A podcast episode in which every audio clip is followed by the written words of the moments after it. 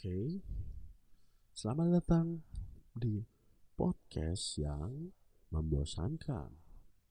Di mana lo nggak akan nemuin intro yang menarik di sini dan lagi-lagi ya lo nggak akan nemuin kayak musik-musik itu. Oke, ini podcast kedua gue dan kesempatan kali ini gue mau nyeritain tentang kan gue sering disebut anak motor nih, nih anak motor nih jalan foto motornya terus nih segala macem. Mungkin gue bakal cerita sedikit kenapa gue bisa suka sama dunia motor-motoran gitulah. Uh, dan sebelumnya kalau misalkan masih banyak-banyak kurangnya mau dimaafin ya. Uh, semua ini berawal dari emang gue dari kecil udah udah suka motor nggak tahu kenapa kayak asik aja gitu nih mau ini motor tuh ngoprek motor segala macam jadi dulu tuh awalnya uh, zaman kecil sudah gue umur berapa ya? Gue TK kayaknya. TK apa sebelum TK gitu? Bokap gue itu punya motor Tornado namanya. Itu punya Suzuki kalau nggak salah. Nah itu waktu itu gue ban istilahnya bantuin bokap gue nyuci nyuci motor tuh. Ya kan?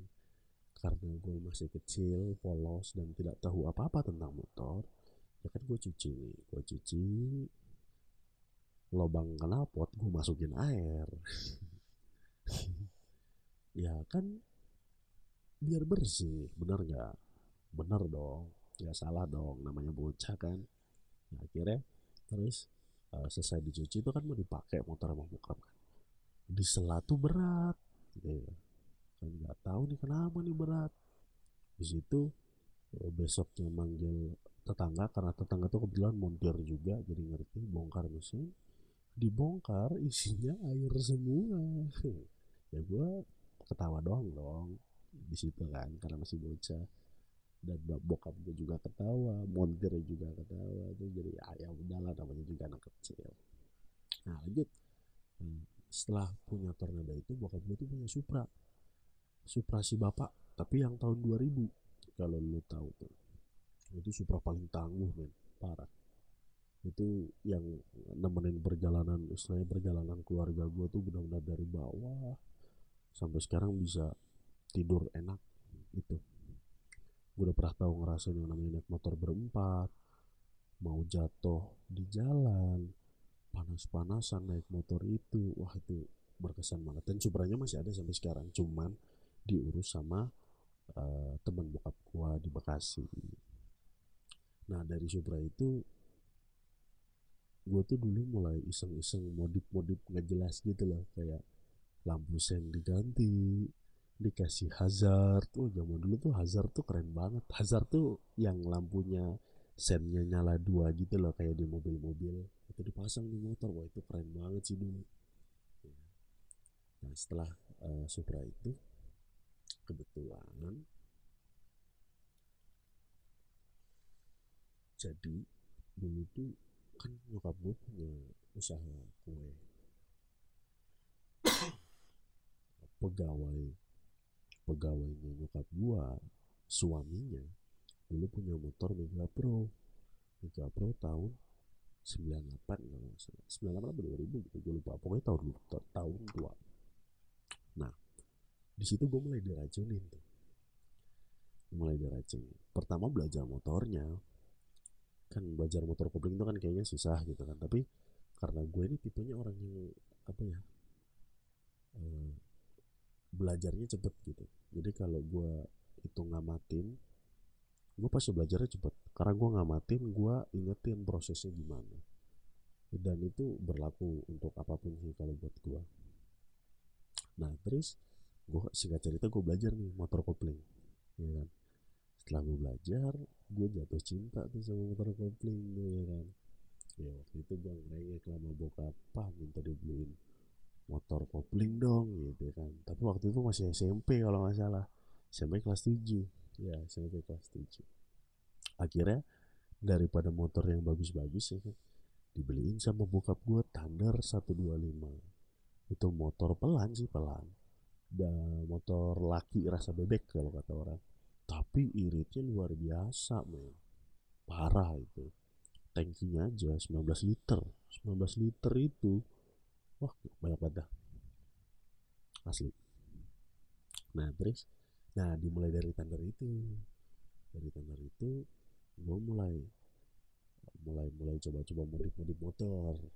Nah, zaman SMP itu berarti gue 2012 ya 2012 mulai coba modif tuh ala-ala anak-anak touring gitu loh. Nah, dari mulai lampunya diganti jadi bulat yang lebih kecil terus stangnya ditinggiin terus bannya digedein ya kan? Dan dulu gue sempat ngecat ulang motor gue gitu jadi apa namanya bodinya gue copotin gue cat ulang ya tapi uniknya menurut gue ini unik sih kayak orang kan biasanya kalau ngecat motor tuh biasanya ke tukang-tukang cat kan. Dia pakai air beras pakai apa gitu. Enggak. Jadi ini gue kayak DIY gitu loh sama uh, suaminya pegawai nyokap gue gitu. Kita pakai modal cat pilok doang. Modal cat pilok warnanya merah merah Ferrari gue inget banget waktu itu. Beli clear beli dempul clear yang dempulnya itu copot body kita mulai ngamplas kita hilangin dulu warna aslinya baru kita cek. Wah itu gue ngerasa seneng banget main kayak wah parah deh. Kira dari situ uh, mulai mulai mulai makin suka nih sama motor kan. Nah itu motor tuh nemenin gue yang tandang dari kelas 7 SMP sampai kelas 11 SMA ya kelas 11 SMA nah pas kelas 11 SMA karena itu motor kan udah tua ya. Itu motor tuh 2003 atau 2004 kalau misalnya kan sedangkan udah udah hampir 10 tahun kan gitu peramajaan akhirnya eh, gue mulai cari-cari motor baru kan waktu itu akhirnya gue ke dealer bukan ke dealer sih kayak yang motor bekas gitu loh bekas-bekas.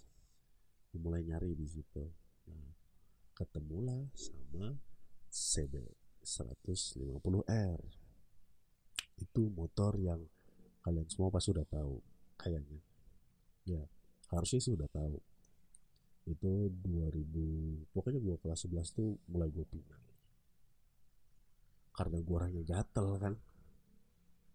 Melihat kondisi motor yang standar ting-ting.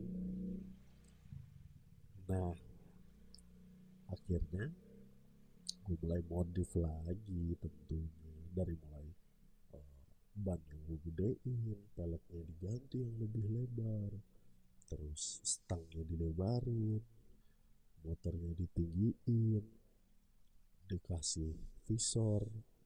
Visor itu yang di depan batok itulah yang Mika itu kalau lu pada tahu nah uh, sempet dengan motor CB itu ya gue tuh ganti-ganti aliran gitu.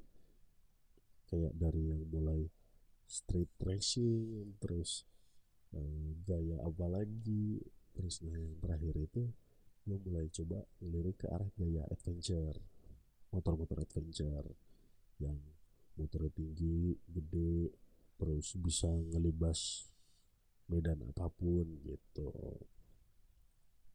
Itu banyak part yang gue ganti tuh untuk si CB 150R dari mulai eh, gue skotlet gue ganti ini segala macem.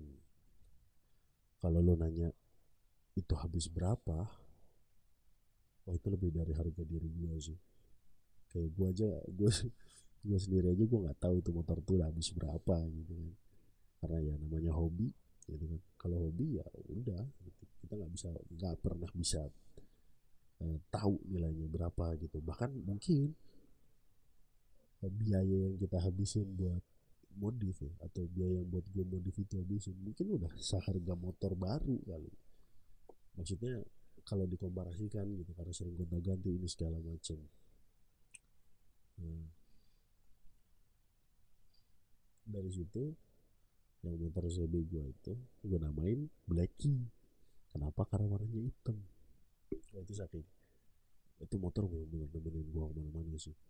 Dari mulai ya awal bulan terus jalan-jalan sana ke sini ke puncak gitu kan dulu masih di Bekasi kan ke mana gitu. Bahkan sampai gua kuliah pun gua masih pakai motor itu gitu.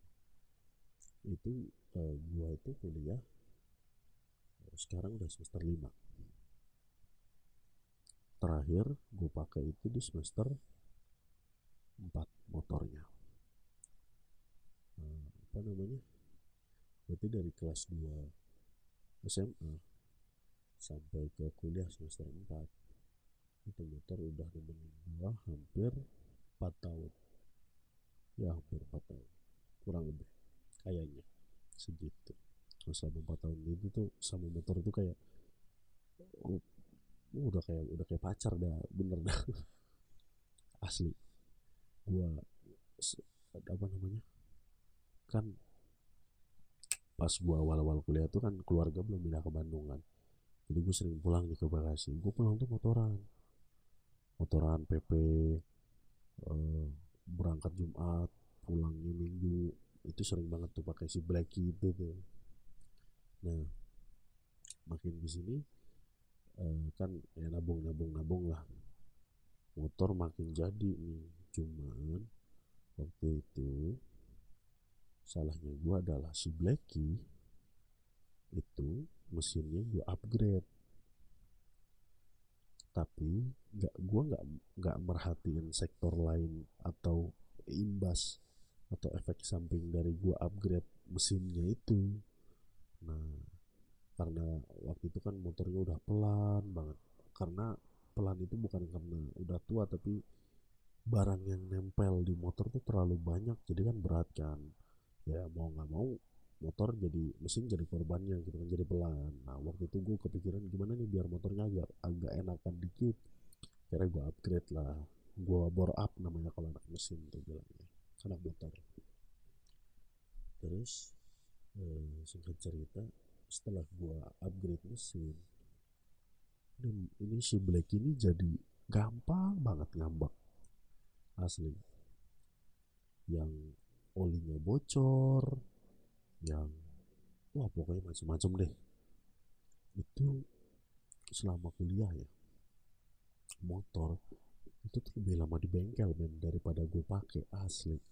Ini buat teman-teman yang dengerin nih pasti tahu tahu banget sejarahnya nih. Soalnya ada beberapa teman gue yang gue minta tolongin apa namanya? Gue minta tolongin step dan segala macam gitu itu berkali-kali anjir asli. Terus akhirnya eh, setelah bongkar mesin yang keberapa ya? Keempat kali kalau nggak salah. Keempat apa kelima? Pokoknya udah, udah sering banget gue udah sampai capek banget itu asli kayak gue memilih untuk menyerah gitu loh. Ya gue tau itu bukan bukan anak motor banget gitu kan. Oh masa anak motor menyerah mau motor sendiri? Tapi gimana men? Daripada gue habis duit uh, lebih banyak ya kira gue memilih untuk menyerah sama si Black nih. Ya sebenarnya sedih sih kayak men, motor yang udah nemenin lo dari SMA sampai sekarang harus di museumin itu kayak wah berasa banget men. Asli. Buat anak-anak motor yang denger mungkin kayak ngerasain hal yang sama gitu. Tapi kan buat lu pada yang nggak nggak nggak punya uh, rasa tertarik yang sama tentang motor pasti kayak ah, ngapain sih?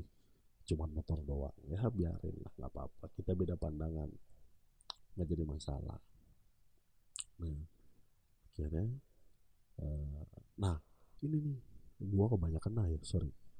Jadi uh, yang podcast sebelumnya kan gue mention ada namanya Mas Rahman kan cutting Telkom tuh.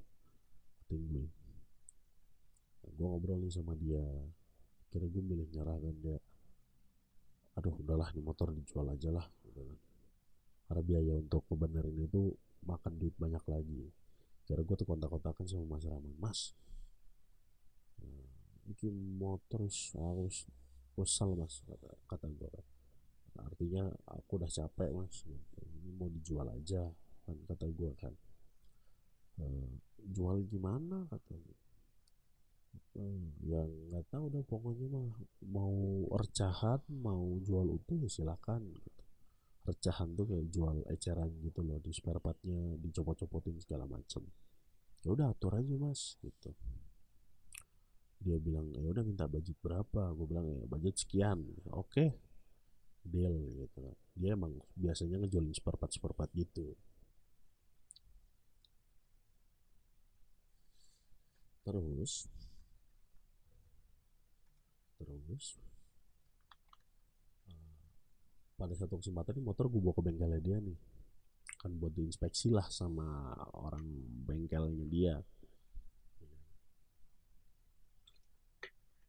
Singkat cerita mesin coba dihidupin nih sama dia.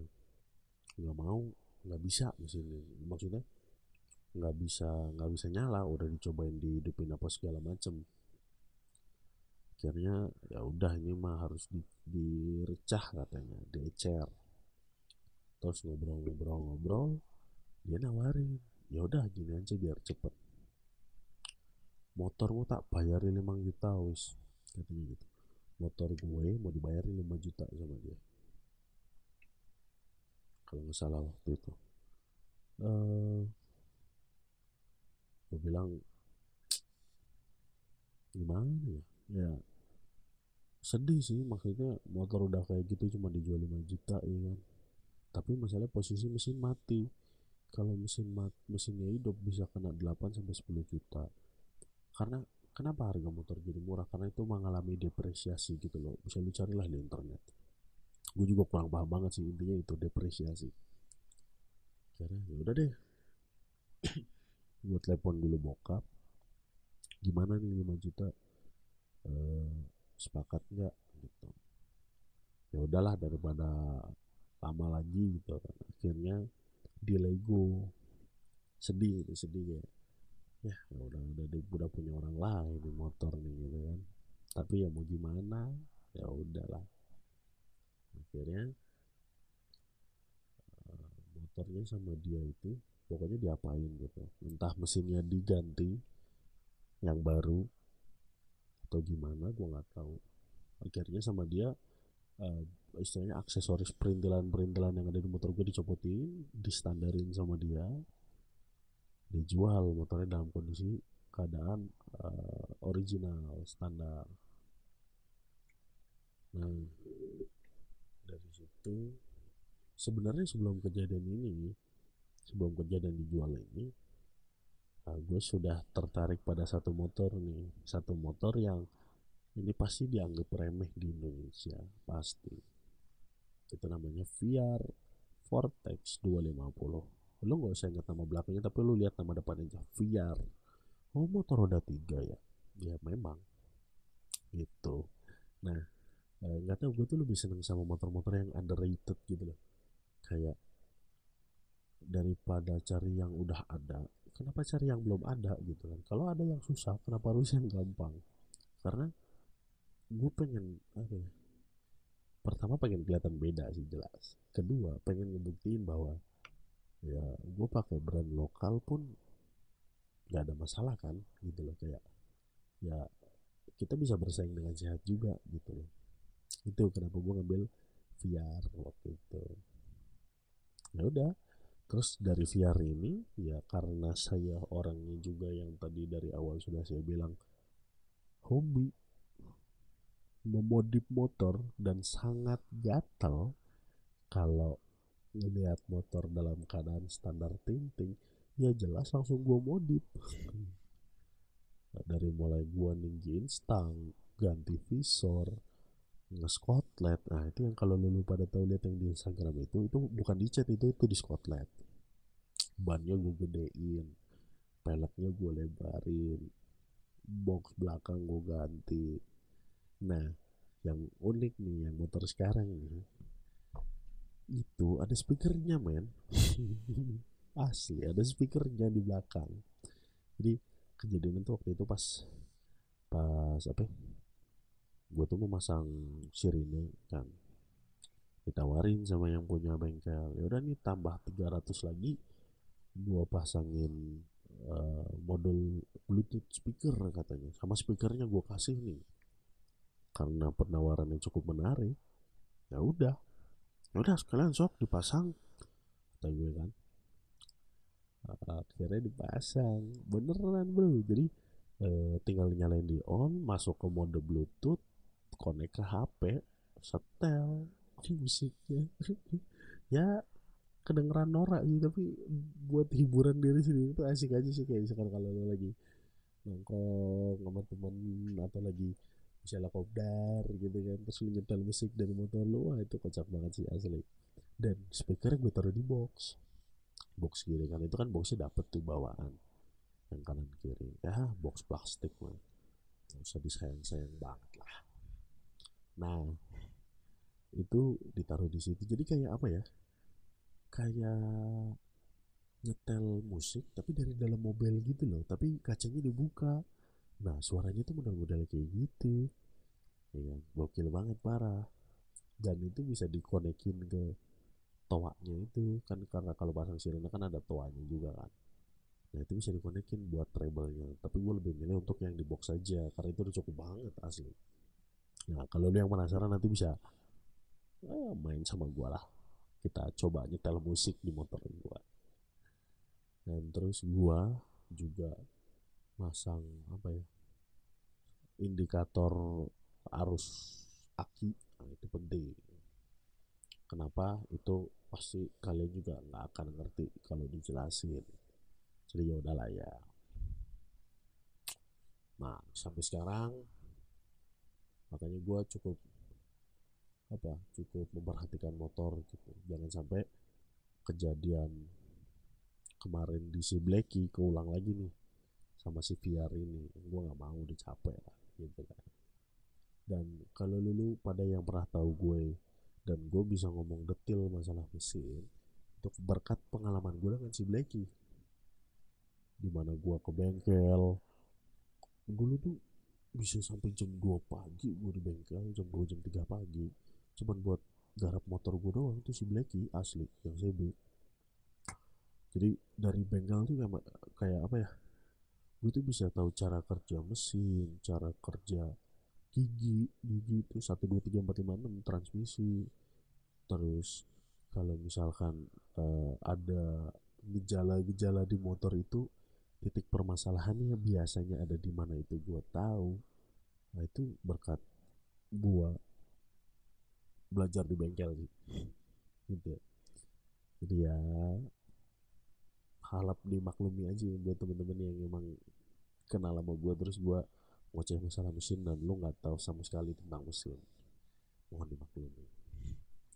Nah udah paling gitu aja sih cerita pengalaman gue tentang kenapa gue suka motor dan hobi sekali memodifikasi motor hmm, segitu aja paling.